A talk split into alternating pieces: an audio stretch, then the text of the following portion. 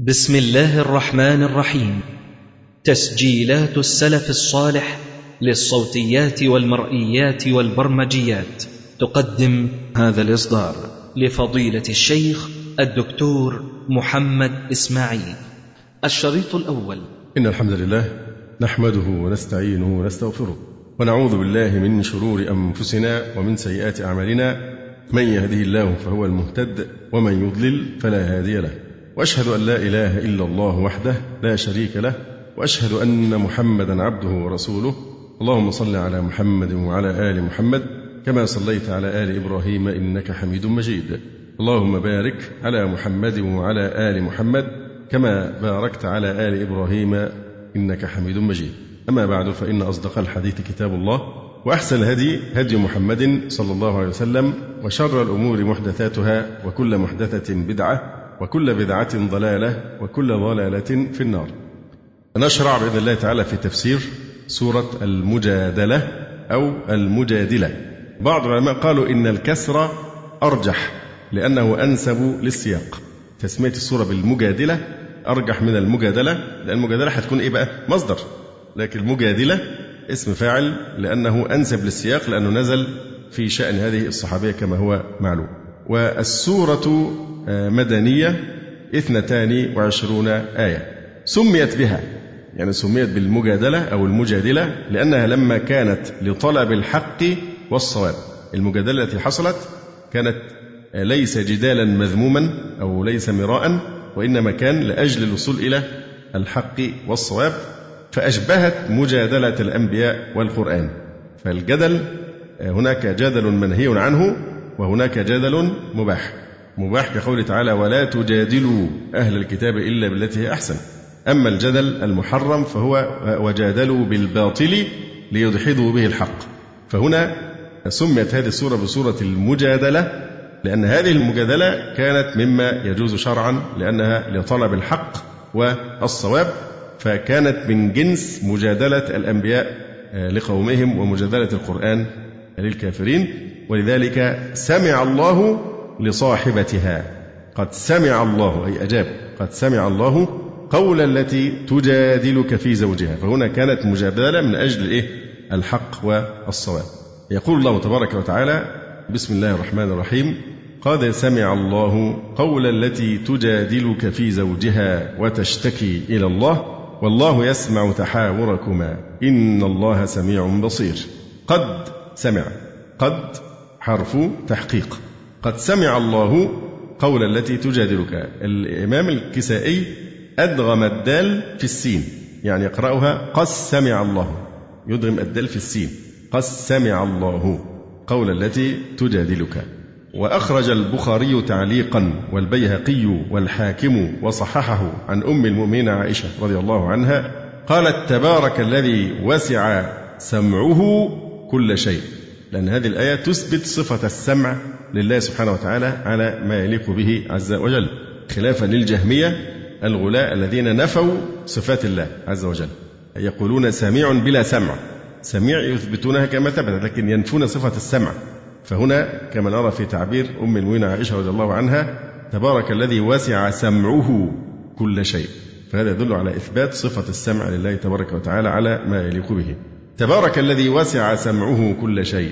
إني لأسمع كلام خولة بنت ثعلبة ويخفى علي بعضه وهي تشتكي زوجها إلى رسول الله صلى الله عليه وسلم. يعني عائشة كانت جالسة في ركن الحجرة وكانت المرأة تخاطب الرسول عليه السلام وتشتكي إليه والصوت كان غير واضح ويخفى علي بعضه. لكن الله سبحانه وتعالى من فوق سبع سماوات سمع صوتها ويخفى علي بعضه وهي تشتكي زوجها إلى رسول الله صلى الله عليه وسلم وتقول يا رسول الله أكل شبابي ونثرت له بطني حتى إذا كبرت سني وانقطع ولدي ظاهر مني. اللهم إني أشكو إليك. فما برحت حتى نزل جبريل عليه السلام بهؤلاء الآيات قد سمع الله قول التي تجادلك في زوجها وهو أي زوجها أوس بن الصامت. أخو عبادة بن الصامت رضي الله تعالى عنهما. أما زوجته فهي خولة وقيل خويلة. وفيها نزلت هذه الآيات على الصحيح. فقد روى الإمام أحمد وأبو داود عن خويلة بنت ثعلبة رضي الله عنها قالت في والله وفي أوس بن الصامت أنزل الله صدر سورة المجادلة. قالت كنت عنده. وكان شيخا كبيرا قد ساء خلقه.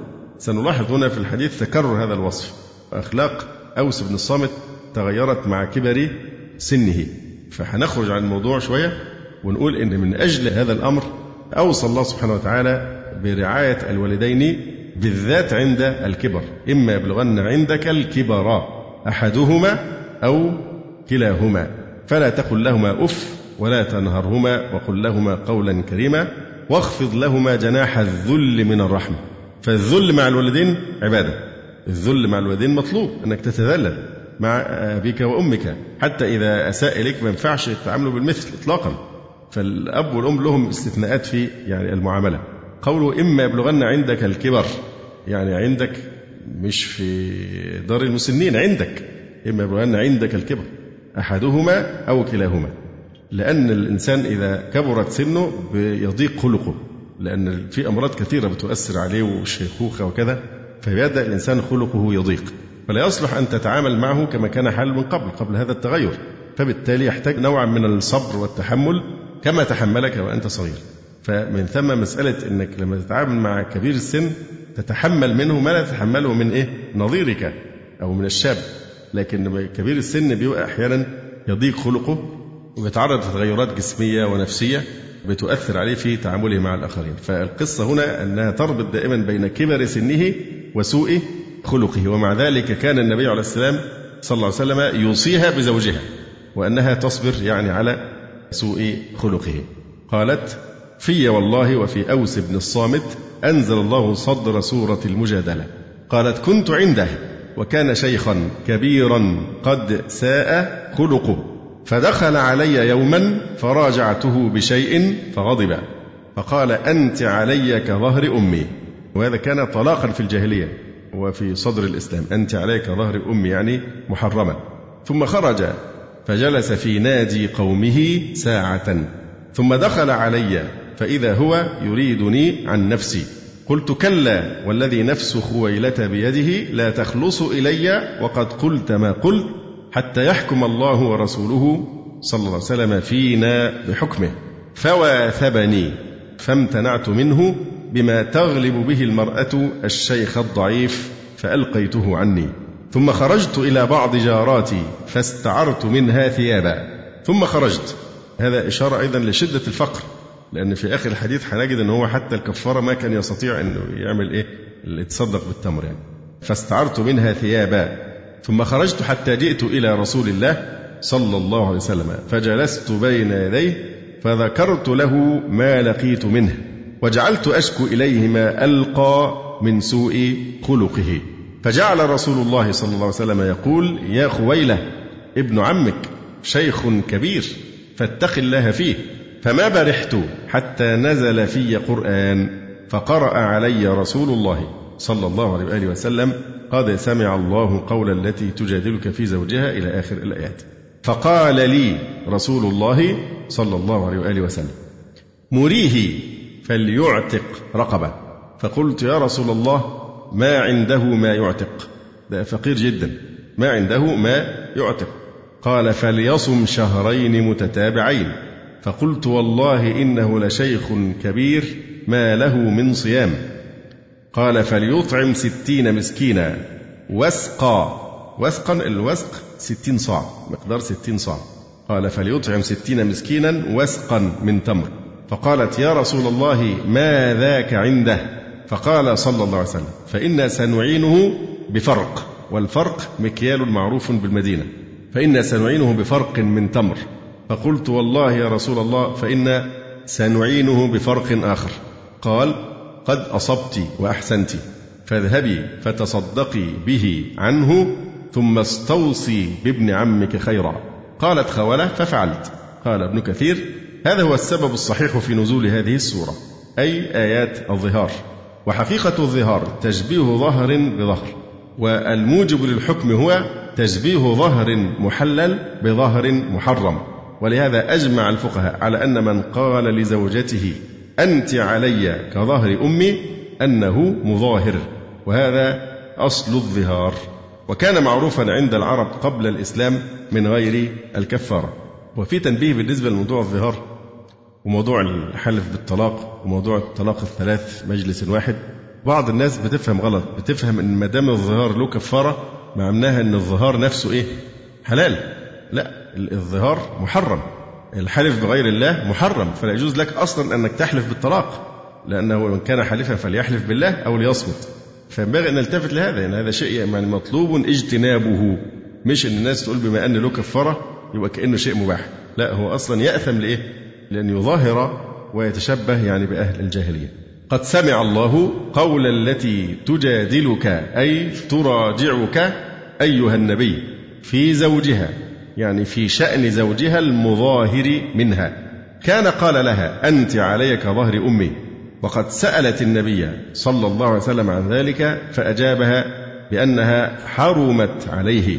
على ما هو المعهود عندهم من أن الظهار موجبه فرقة مؤبدة وهي خولة بنت ثعلب وهو أوس بن الصامت. وتشتكي إلى الله. الواو يجوز أن تكون حالية. يعني إيه؟ تجادلك وتشتكي. يعني والحال أنها تشتكي إلى الله. يجوز أيضا أن تكون حالية. وتشتكي إلى الله وحدتها وفاقتها. وصبية صغارا إن ضمتهم إليه ضاعوا. وإن استبقتها عندها جاعوا.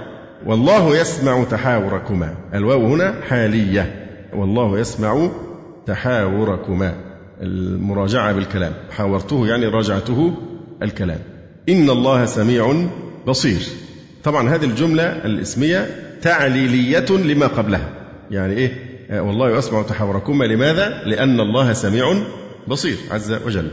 ثم يقول تعالى الذين يظاهرون منكم من نسائهم. ما هن أمهاتهم؟ إن أمهاتهم إلا اللائي ولدنهم وإنهم لا يقولون منكرا من القول وزورا.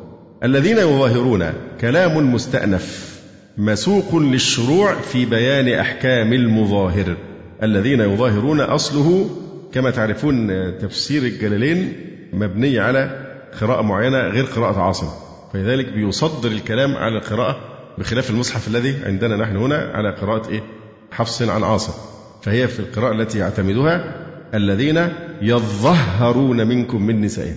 الذين يظهرون بتجديد الظاء والهاء. يقول هنا أصله يتظهرون أدغمت التاء في الظاء.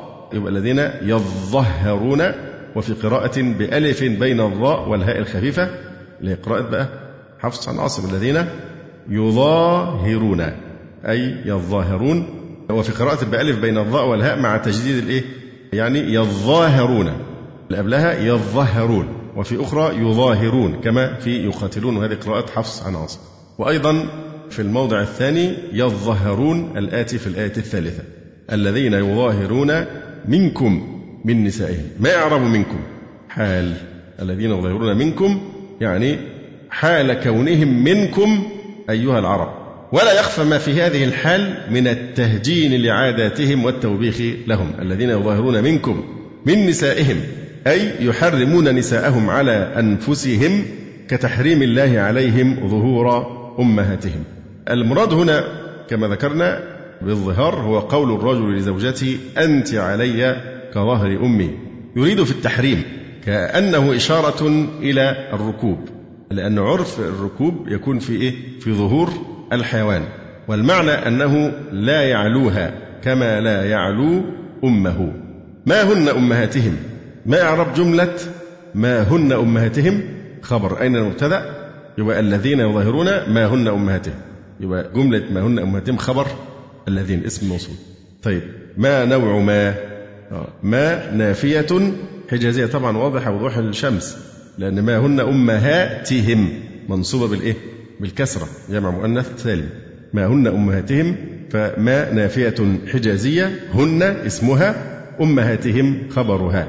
فأمهاتهم نصب بالكسرة نيابة عن الفتحة لأنه جمع مؤنث سالم. ما هن أمهاتهم؟ في هذه الآية الكريمة آية الظهار فن عجيب من فنون البلاغة وهو السلب والإيجاب وهو بناء الكلام على نفي الشيء من جهة وإيجابه من جهة أخرى أو أمر بشيء من جهة ونهي عنه من جهة ثانية. ففي قوله تعالى الذين يظاهرون منكم من نسائهم ما هن أمهاتهم. فهنا نفي لصيرورة المرأة أما بالظهار. هل بالظهار تصير زوجته أمه؟ تصير أمة أما له؟ من هي أمه؟ التي ولدته.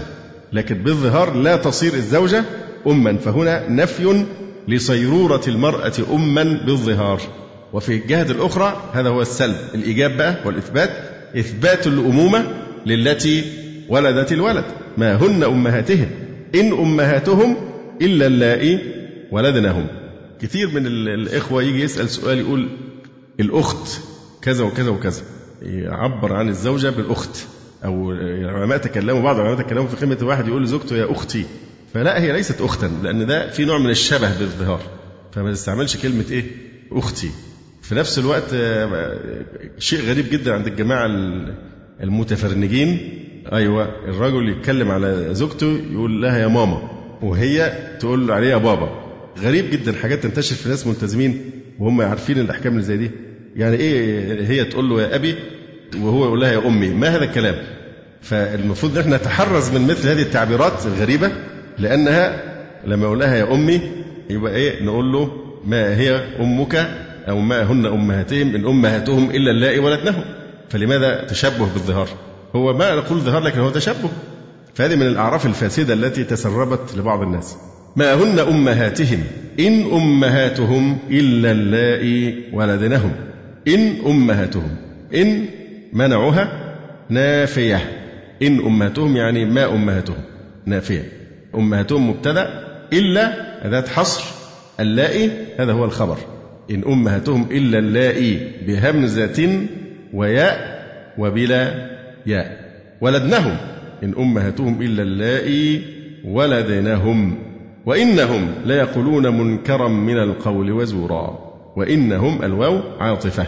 وإنهم بالظهر ليقولون منكرا. اللام المزحلقة. ليقولون منكرا. ما إعراب منكرا؟ نعم. هي منكرا فعلا صفة لمصدر محذوف اللي هو المفعول المطلق. وإنهم لا يقولون إيه؟ قولا منكرا.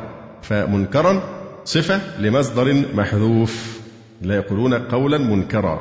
من القول وزورا أي كذبا لأن الزوجة ليست كالأم. وإن الله لعفو غفور. اللام المزحلقة. وعفو خبر أول لإن. وغفور خبر ثان. وإن الله لعفو غفور. يعني للمظاهر بالكفارة. لعفو غفور للذي تورط في الظهار إذا كفر عن آه، هذا الظهار. ثم يقول تعالى والذين يظهرون من نسائهم أو يظاهرون من نسائهم أو يظاهرون من نسائهم ثم يعودون لما قالوا. والذين يظاهرون من نسائهم. هذا كلام مستأنف. مسوق لتفصيل حكم الظهار بعد بيان كونه منكرا. فهو بين عز وجل آنفا أنه منكر من قول وزور. ثم شرع عز وجل يوضح للناس حكم الظهار وما الذي يترتب عليه. فممكن أيضا والذين يظاهرون من نسائهم ممكن أيضا أن نقول أن هذا عطف. يعني ممكن واو استئنافية وممكن تكون إيه؟ عطفا على ما تقدم لينتظم الحكم انتظاما أوليا والذين يظاهرون من نسائهم ثم يعودون لما قالوا ثم حرف عطف يفيد الترتيب مع التراخي ثم يعودون لما قالوا ما نوع ما مصدرية لما قالوا ما هنا مصدرية يبقى يعودون لما قالوا يعني يعودون لإيه؟ لقولهم المصدر المؤول هنا طب إيه إعراب المصدر المؤول هنا؟ لما قالوا. آه طبعا في محل جر باللام يعني يعودون لقولهم. أي فيه بأن يخالفوه بإمساك المرأة المظاهر منها الذي هو خلاف مقصود الظهار من وصف المرأة بالتحريم. بين الإمام القاسمي أن معنى قوله ثم يعودون لما قالوا أولا قال فيها قولان. أولا يعودون لما قالوا أي يرجعون إلى لفظ الظهار ثانية. يبقى القول هنا على حقيقته ثم يعودون لما قالوا. يعني يكررون تاني من جديد لفظ الايه؟ الظهار فالقول على حقيقته. أو ثم يعودون لما قالوا يبقى المقصود هنا؟ القول. لكن المقصود إيه؟ المقول فيه. الموضوع اللي هم قالوا فيه عبارة الظهار. يبقى لما قالوا إما أن القول على حقيقته يعني يعودون لما قالوا يعني يرجعون إلى لفظ الظهار ثانية. ويقول أنت علي كظهر أمي التفسير الثاني ثم يعودون لما قالوا يعني يعزمون على غشيانهن ووطئهن رغبة في تحليلهن بعد تحريمهن. فالقول هنا بمعنى المقول فيه. يبقى للمقول فيه يعني الموضوع اللي هم اتكلموا عنه فهو يعتقد أنه حرمها ثم يعودون لما قالوا يعزم على وطئها كي تحل له بعد أن حرمها. لا مش أنت تحرمها في لحظة وبعدين ترجع تاني تحلها لكن قبل أن تمسها لابد من الإيه؟ التكفير أولا. ثم يعودون لما قالوا يعني بأن يخالفوا بإمساك المرأة المظاهر منها لأنه هو المفروض لما وصفها بأنها كأمه تحرم عليه يعني كأمه فهو بالتالي يحرمها على نفسه. هذا هو مقصود الظهار من وصف المرأة بالتحريم. يعودون لما قالوا يعني إيه؟ بأن يخالفوا ما قالوه بإمساك المرأة المظاهر منها. منين أنت عايز تمسكها؟ ومنين أنت قد وصفتها بأنها محرمة عليك كظهر أمك؟ فتحرير رقبة من قبل أن يتماسا فتحرير رقبة. الفاء رابطة لما في الموصول من معنى الشرط. لذلك جاءت الفاء. يعني والذين يظاهرون إلى قوله فتحرير رقبة. يعني كأنه قال من ظاهر فتحرير رقبة. فتحرير رقبة. طيب ما إعراب جملة فتحرير رقبة؟ خبر إيه بقى؟ الذين. طيب فتحرير رقبة يعني إيه؟ عليه تحرير رقبة أو عتق رقبة. أي تحرير رقبة إيه؟ اعتاقها عليه. من قبل أن يتماس. من يعرب كلمة أن يتماس؟ يعني هو هنا تأويل مصدر من قبل التماس. وهي في محل جر بالإضافة من قبل أن يتماس أي بالوطء أي من قبل أن يجامعها. ذلكم توعظون به والله بما تعملون خبير. ذلكم أي ذلكم الحكم توعظون به. لماذا؟ لأن الغرامات زواجر عن اقتراف الجنايات. ذلكم توعظون به والله بما تعملون خبير. فمن لم يجد الفاء هنا عاطفة. فمن لم يجد ومن مبتدأ ومن لم يجد يعني من لم يجد رقبة يعتقها. فصيام شهرين متتابعين من قبل أن يتماسا فصيام أيضا الفاء هنا إيه؟ رابطة. فصيام شهرين متتابعين. ما إعراب صيام؟ مبتدأ. أين خبره؟ آه يبقى خبره محذوف. تقديره إيه؟ عليه. يعني فعليه صيام شهرين متتابعين. لكن خبر المبتدأ محذوف. تقديره عليه. فصيام شهرين متتابعين من قبل أن يتماسا فمن لم يستطع يعني الصيام فإطعام ستين مسكينا أيضا عليه عليه. أي من قبل أن يتماسا فانتبهوا لهذا يعني حتى لابد أن يكفر قبل أن يتماسا فإطعام ستين مسكينا ما قالش فيها من قبل أن يتماسا لكن هي معروفة من الإيه؟ من السياق. فيحمل المطلق على المقيد. لكل مسكين مد من غالب قوت البلد. لكل مسكين من الستين مسكينا مد من غالب قوت البلد. ذلك لتؤمنوا بالله ورسوله. وتلك حدود الله وللكافرين عذاب أليم.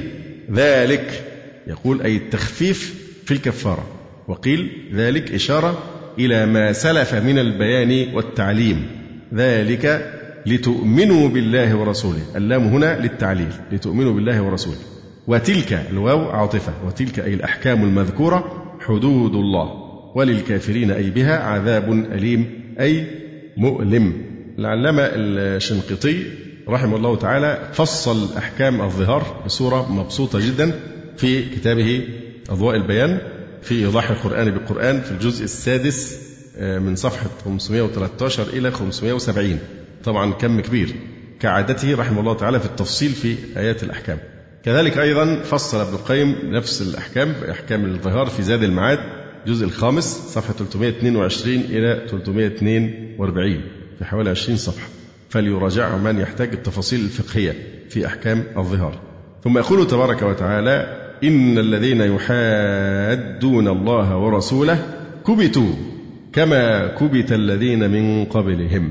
هذا كلام مستأنف مسوق لزف البشرى إلى رسول الله صلى الله عليه وسلم والمؤمنين بكبت أعدائهم وإذلالهم وفصم عراهم وشق عصاهم إن الذين يحادون الله ورسوله يقول المحلي يحادون يخالفون الله ورسوله.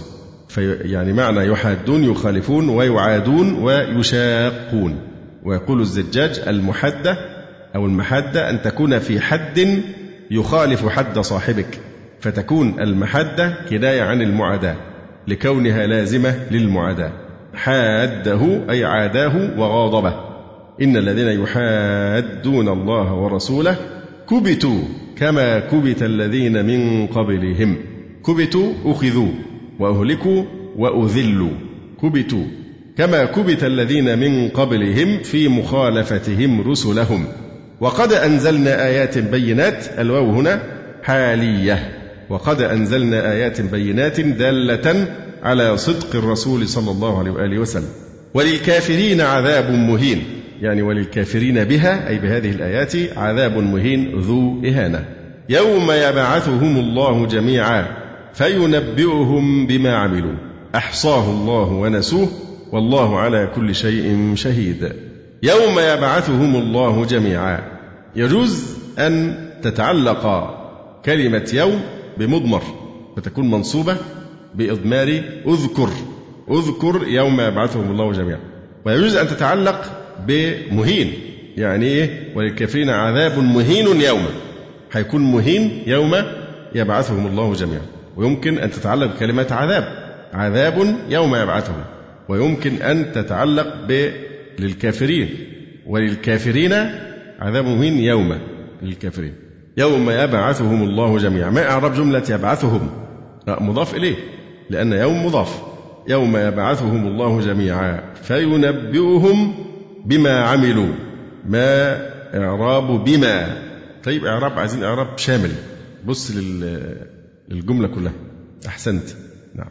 فينبئهم بما عملوا فبما هنا في موضع إيه؟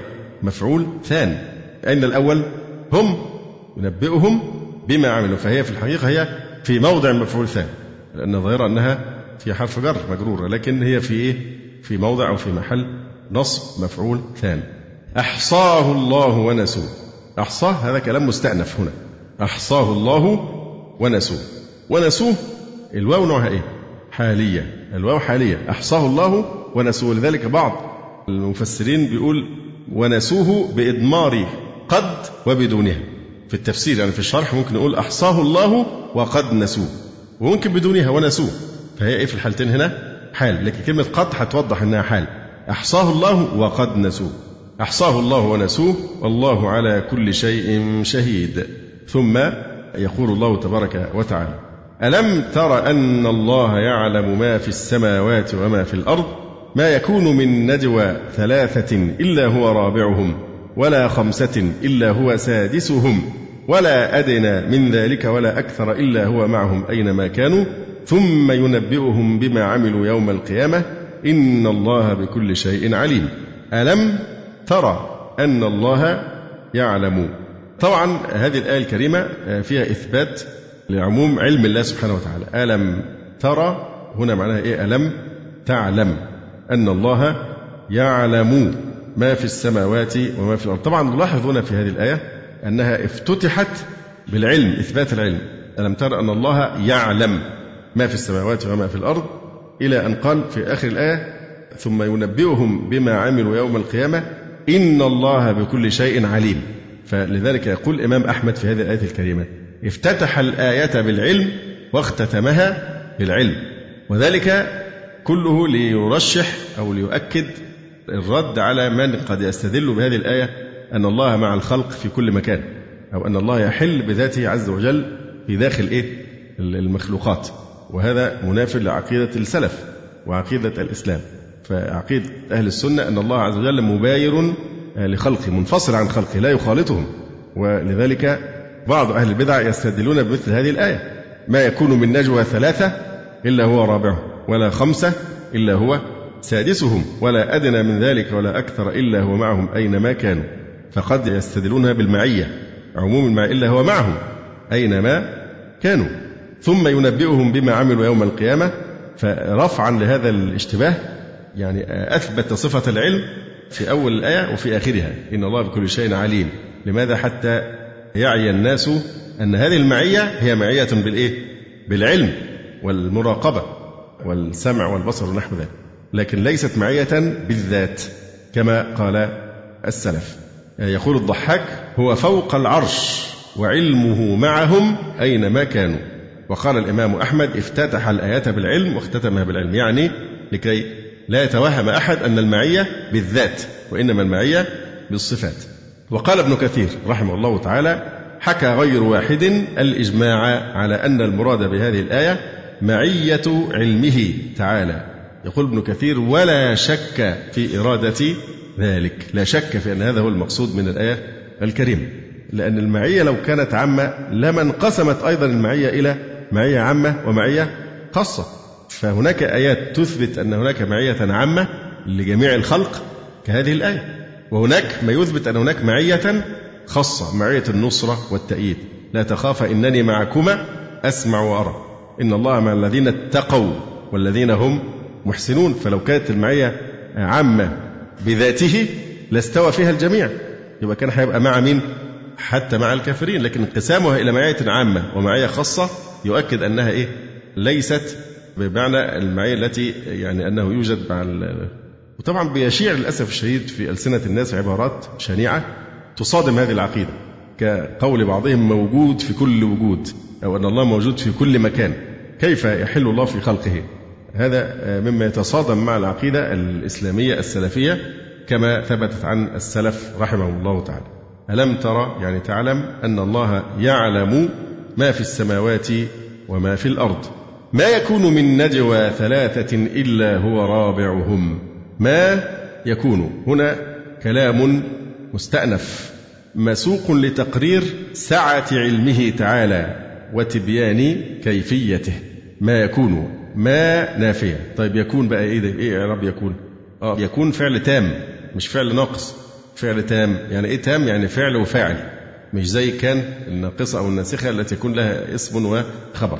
فيكون هنا تام. دايما تكون تامة ما بتجيب معنى الإيه؟ التواجد. كان الله ولم يكن شيء. شيء هنا فاعل واللفظ الجلالة أيضا فاعل. وإن كان ذو عسرة فناظرة إلى ميسرة. ما إعراب ذو فاعل مش اسم بقى لأن كان هنا بمعنى إن وجد. وإن كان ذو عسرة لأن لو كانت ناقصة يبقى وإن كان ذا عسرة. إن كان هو ذا عسرة. هنا إن وجد شخص ذو عسرة. ما يكون تاما. من نجوى. ما إعرابه من نجوى؟ آه يبقى نقول مجرور لفظا مرفوع إيه؟ محلا لأنه فعل ما يكون من نجوى ثلاثة إلا هو رابعهم. استثناء مفرغ من أعم الأحوال. إلا هو رابعهم بعلمه وليس بذاته تبارك وتعالى. أي يعلم ما يتناجون به سرا بينهم.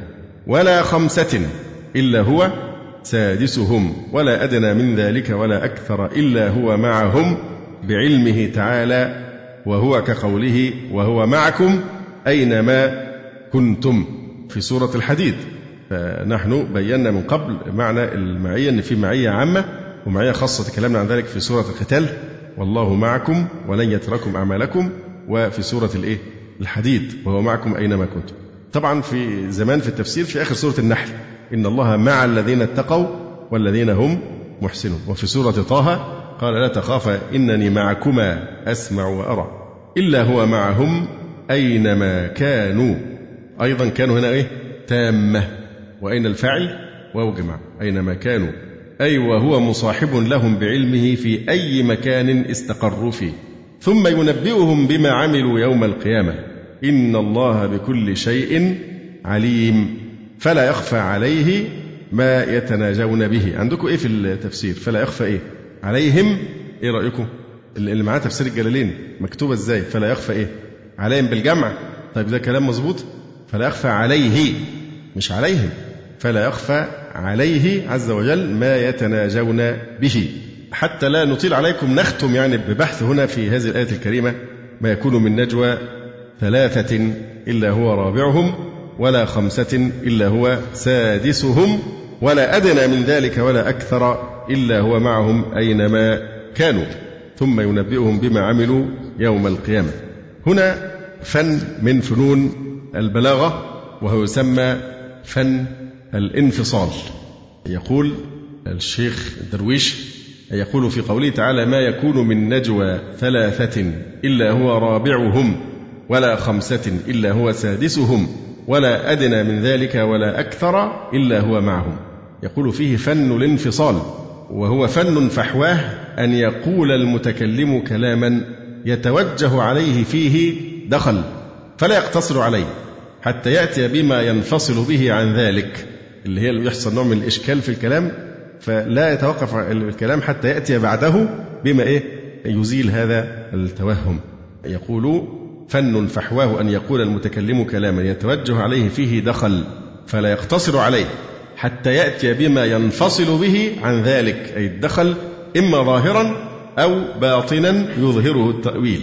فإن هذه الآية الكريمة يتوجه على ظاهرها عدد من الأسئلة. منها لما ألغى فيها الابتداء بالاثنين؟ ما يكون من نجوى ثلاثة. طيب وليه ما بدأش بالاثنين ما يكون من نجوى اثنين؟ باعتبار أن الاثنين هي أول رتبة بين المتناجيين. مثلا سؤال ثاني يرد على هذه البداءة. لما انتقل من الثلاثة إلى الخمسة ما يكون من نجوى ثلاثة إلا هو الرابع. قال ولا خمسة ولم يقل إيه ولا أربعة. وعدل عن الترتيب في الانتقال من الثلاثة إلى الأربعة. السؤال الثالث لما لم يتجاوز الخمسة كما تجاوز الثلاثة؟ لما لم يتجاوز الخمسة كما تجاوز الثلاثة. رابعا لما لم يقل ما يكون من نجوى ثلاثة إلا هو معهم أينما كان. لما لم يقل من نجوى ثلاثة ويقف عند ذلك ويستغني بقوله تعالى ولا أدنى من ذلك ولا أكثر. ليه ما قالش ما يكون من نجوى ثلاثة ولا أدنى من ذلك ولا أكثر؟ فيتناول الأدنى من الاثنين والأكثر من الأربعة إلى ما لا نهاية له من الأعداد. خامسا لما عدل عن الأوجز إلى الأطول مع توفية الأوجز بالمعنى المراد. أولا نشير إلى الاختلاف في سبب نزول هذه الآية الكريمة. قيل إن المشركين اجتمعوا جماعات جماعات متفرقة كل جماعة على هذين العددين ثلاثة ثلاثة وخمسة خمسة يتناجون في رسول الله صلى الله عليه وسلم. وهم يظنون أن ذلك يخفى عنه فنزلت ليعلم الله نبيه بحالهم. ما يكون من نجوى ثلاثة إلا هو رابعهم ولا خمسة إلا هو سادسهم. كانت جماعاتهم مكونة من ثلاثة ثلاثة وإيه؟ خمسة خمسة. وقيل إنه اجتمع ثلاثة نفر من قريش وهم ربيعة وحبيب ابن عمرو وصفوان بن أمية. يوما كانوا يتحدثون فقال أحدهم أترى الله يعلم ما نقول؟ فقال الآخر يعلم بعضا ولا يعلم بعضا. والعياذ بالله. وقال الثالث إن كان يعلم بعضا فهو يعلم الكل. فنزلت هذه الآية. وقد صحح أهل التفسير هذه الرواية الثانية. وقال الزمخشري في الجواب عن بعض ما تقدم من الاعتراض على ظاهر الآية. بعد نقل سبب النزول الذي ذكرناه يقول إن البارئ عز وجل قصد وهو أعلم أن يذكر ما جرت به العادة من أعداد أهل النجوى وأهل الشورى. لو الناس بيتشاوروا أو يتناجون العدد في الغالب بيكون إيه؟ الأول ثلاثة. ليه؟ عشان لما اثنين يختلفوا يبقى الثالث كأنه الحكم اللي بيرجح إحدى الكفتين بخلاف ما لو كان اثنين فجرت به العادة من أعداد أهل النجوى وأهل الشورى. والمنتدبون لذلك ليسوا كل الناس. وإنما هم طائفة مجتباة من أهل النهى والأحلام. ورهط من أولي التجارب والرأي. وأول عددهم الاثنان فصاعدا إلى الستة على ما تقتضيه الحال. ويحكم به الاستصواب. هو الزمخشري بقى حوت كده في كلام جانبي وجابه من عنده يعني بيقول ألا ترى أن عمر بن الخطاب رضي الله عنه ترك الشورى في ستة ولم يتجاوز بها إلى سابع. هذا لفظ الزمخشري. أما ما حكاه من الرواية الأولى فلا إشكال فيه ولا دخل عليه. وأما الرواية الثانية التي وقع التصحيح فيها وهي مروية عن ابن عباس فيتوجه إليها الإشكال. وأما قول الزمخشري إن الكلام جاء على عادة العرب في أهل النجوى وأهل الشورى لأن عدد هاتين الطائفتين لا يتجاوز الستة. أما استشهدوه بقضية عمر وجعله الشورى في ستة وتأكيده ذلك بقوله ألا تراه لم يتجاوز بها معنى الشورى إلى سابع فما أدري من أين له ذلك. منين أن الشورى لازم تكون في ستة؟ وكيف تصح دعواه في أن عادة العرب إنما يكون أهل النجوى وأهل الشورى على هذين العددين دون سائر الأعداد. وقد جاء القرآن العزيز بخلاف ذلك. قال الله تعالى في الإخبار عن أولاد يعقوب فلما استيأسوا منه خلصوا نجيا. طبعا كما ذكرنا من قبل هذا التعبير تعبير لم تعرفه العرب وهو في قمة الإعجاز البلاغي. خلصوا نجيا. تكلمنا عنها قديما في سورة يوسف. طيب كان كام واحد إخوة يوسف؟ عشرة. فسمى سبحانه وتعالى محاورتهم تناجيا. وهم كانوا عشرة ما كانوش ستة.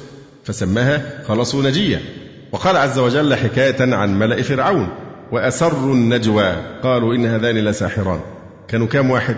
كانوا لا يحصون كثرة.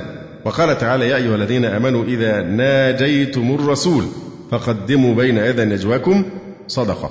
ومناجو الرسول صلى الله عليه وسلم يحتمل أن يكونوا هم لاثنين فصاعدا إلى منتهى عدد الأمة.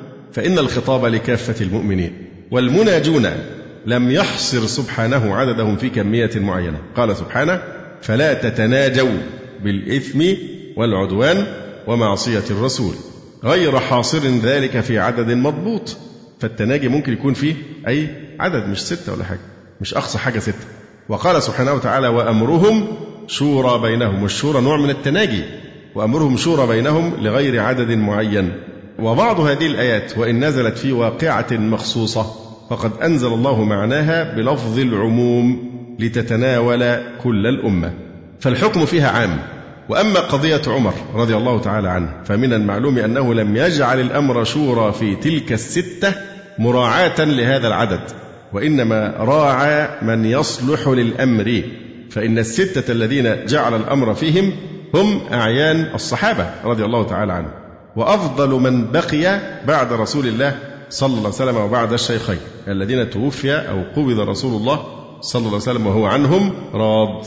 فهم أفضل من بقي بعده صلى الله عليه وسلم وبعد الشيخين وأنه لا يجوز أن يخرج هذا الأمر عنهم ولا يتجاوزهم إلى غيرهم. ولو كان الصلحاء لهذا الأمر أكثر من هذا العدد أو أقل لجعل الأمر فيهم ولم يقل نقصوا عن هذه العدة أم زادوا عليها. يبقى ده جواب ضعيف إن يقول إن الشورى بتكون إيه؟ أو التناجي يكون أقصى حد ستة. لا كلام غير صحيح يعني.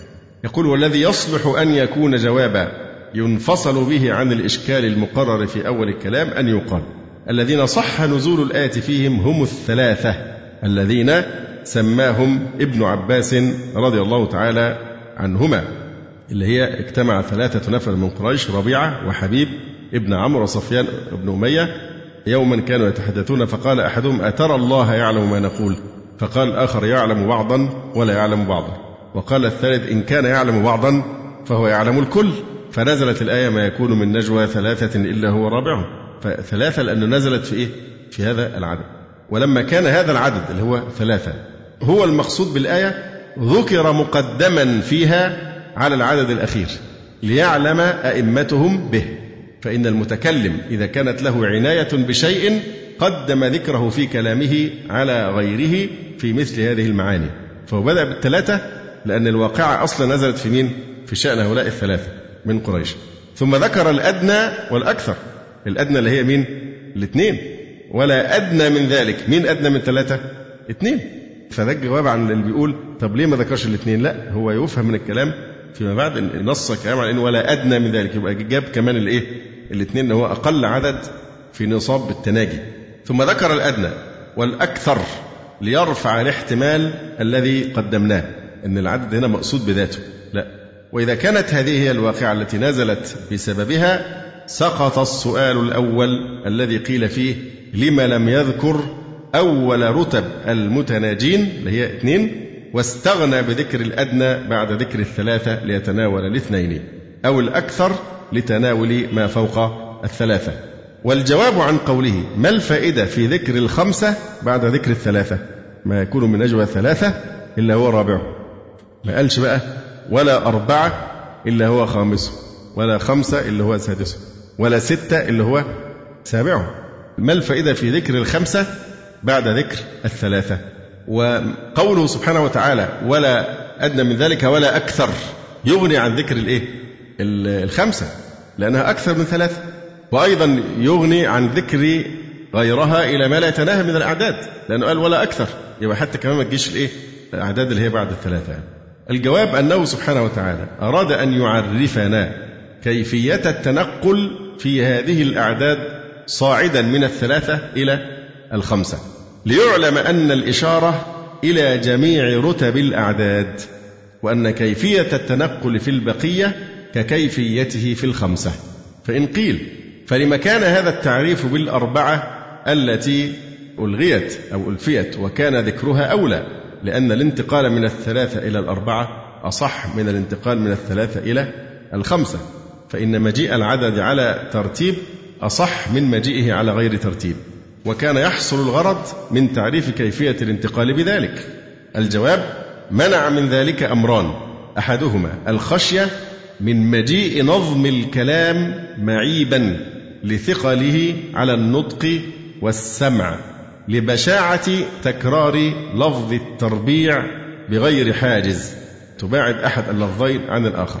فإنه لو قيل ما يكون من نجوى ثلاثة إلا هو رابعهم ولا أربعة إلا هو خامسهم فهنا رابعهم. وبعدين نقول ولا أربعة فيها ثقل في ثقل في الكلام لمجاورة لفظتين فيهما أربعة أحرف من حروف الحلق وهما العينان والهاءان فالعين والهاء من الحروف الحلقية الثقيلة.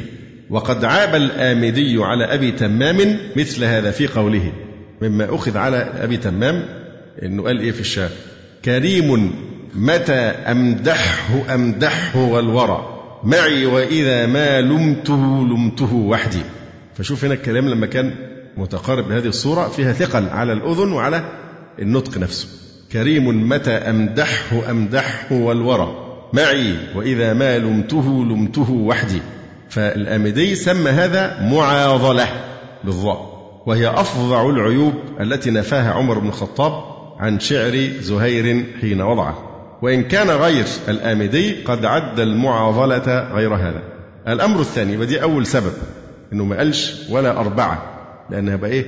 لا يكون من ثلاثة إلا وهو رابعهم ولا أربعة فهيبقى فيها هذا الثقل سواء في النطق أو في السمع أو على السمع.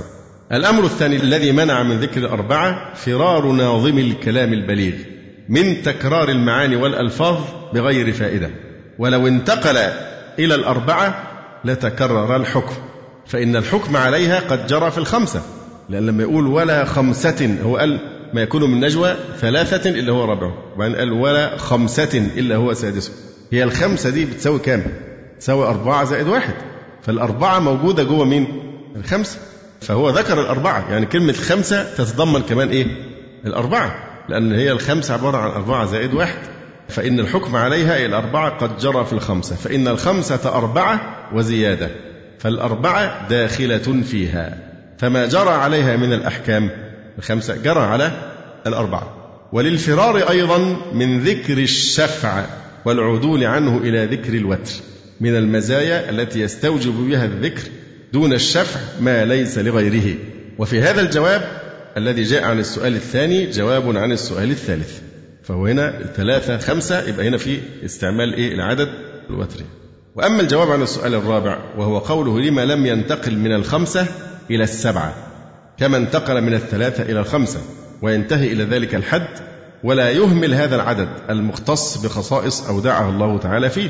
ليه طيب ما قالش ولا خمسة إلا هو سادسهم ولا سبعة إلا هو ثامنهم؟ ويقف عند السبعة باعتبار أن السبعة ده رقم له خصائص معينة.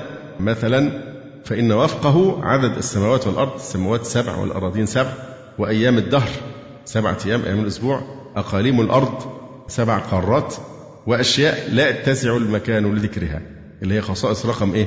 سبعة. فنقول كان المراد تعريف كيفية الانتقال وقد حصل ذلك بذكر الخمسة. فإعادته في عدد آخر إطالة لا فائدة فيها قد استغني عنها بما قبلها. ولو روعي للسبعة ما لها من الخصائص لوجب أن يراعى للتسعة ما لها من الخصائص أيضا.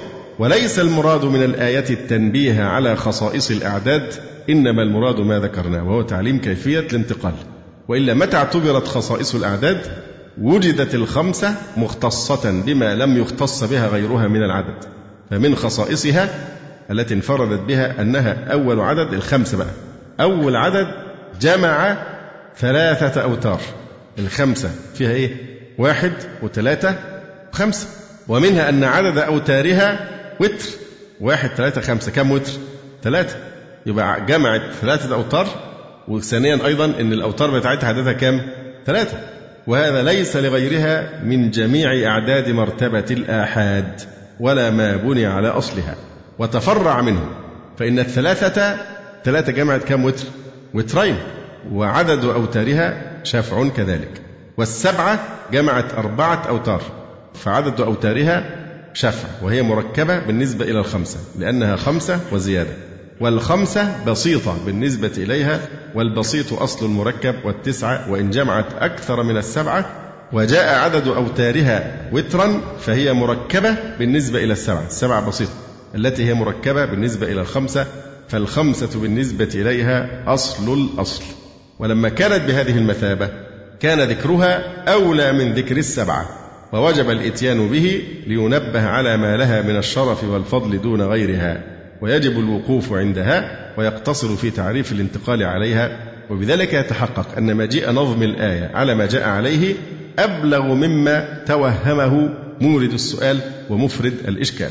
وقال الكرخي وخص الثلاثة والخمسة بالذكر لأن قوما من المنافقين تخلفوا للتناجي وكانوا بعدة العدد المذكور مغايظة للمؤمنين فنزلت الآية بصفة حالهم وتعريفا بهم. أو لأن العدد المفرد أشرف من الزوج لأن الله تعالى وتر يحب الوتر. فخص العددان المذكوران بالذكر تنبيها على أنه لا بد من رعاية الأمور الإلهية في جميع الأمور. وللخازن عبارة لطيفة نوردها استيفاء للبحث قال فإن قلت لم خص الثلاثة والخمسة؟ قلت لأن أقل ما يكفي في المشاورة ثلاثة حتى يتم الغرض فيكون الاثنان كالمتنازعين في النفي والإثبات والثالث كالمتوسط الحاكم بينهما. فحينئذ تحمد المشاورة ويتم الغرض وكذا كل جمع يجتمع للمشاورة لا بد من واحد يكون حكما بينهم مقبول القول. وقيل إن العدد الفرد أشرف من الزوج فلهذا خص الله تعالى الثلاثة والخمسة. فهذا ما تيسر في تفسير قوله تبارك وتعالى ألم تعلم أن الله يعلم ما في السماوات وما في الأرض؟ ما يكون من نجوى ثلاثة إلا هو رابعهم ولا خمسة إلا هو سادسهم ولا أدنى من ذلك ولا أكثر إلا هو معهم أينما كانوا ثم ينبئهم بما عملوا يوم القيامة. إن الله بكل شيء عليم. أقول قولي هذا وأستغفر الله لي ولكم. سبحانك اللهم ربنا وبحمدك. أشهد أن لا إله إلا أنت. أستغفرك وأتوب إليك. جزى الله فضيلة الشيخ خير الجزاء. ونسأل الله جل وعلا أن يرفع مكانة الشيخ في المهديين وأن يجعله علما من أعلام الهدى والدين. ولا تنسونا وتنسوا الشيخ من دعوة صادقة بظهر الغيب. وتقبلوا تحيات إخوانكم في تسجيلات السلف الصالح بالإسكندرية. هاتف رقم صفر ثلاثة فاصل أربعة تسعة أربعة سبعة ستة خمسة اثنان. والتليفون محمول صفر عشرة واحد ستة أربعة واحد تسعة ثمانية صفر. والسلام عليكم ورحمة الله وبركاته.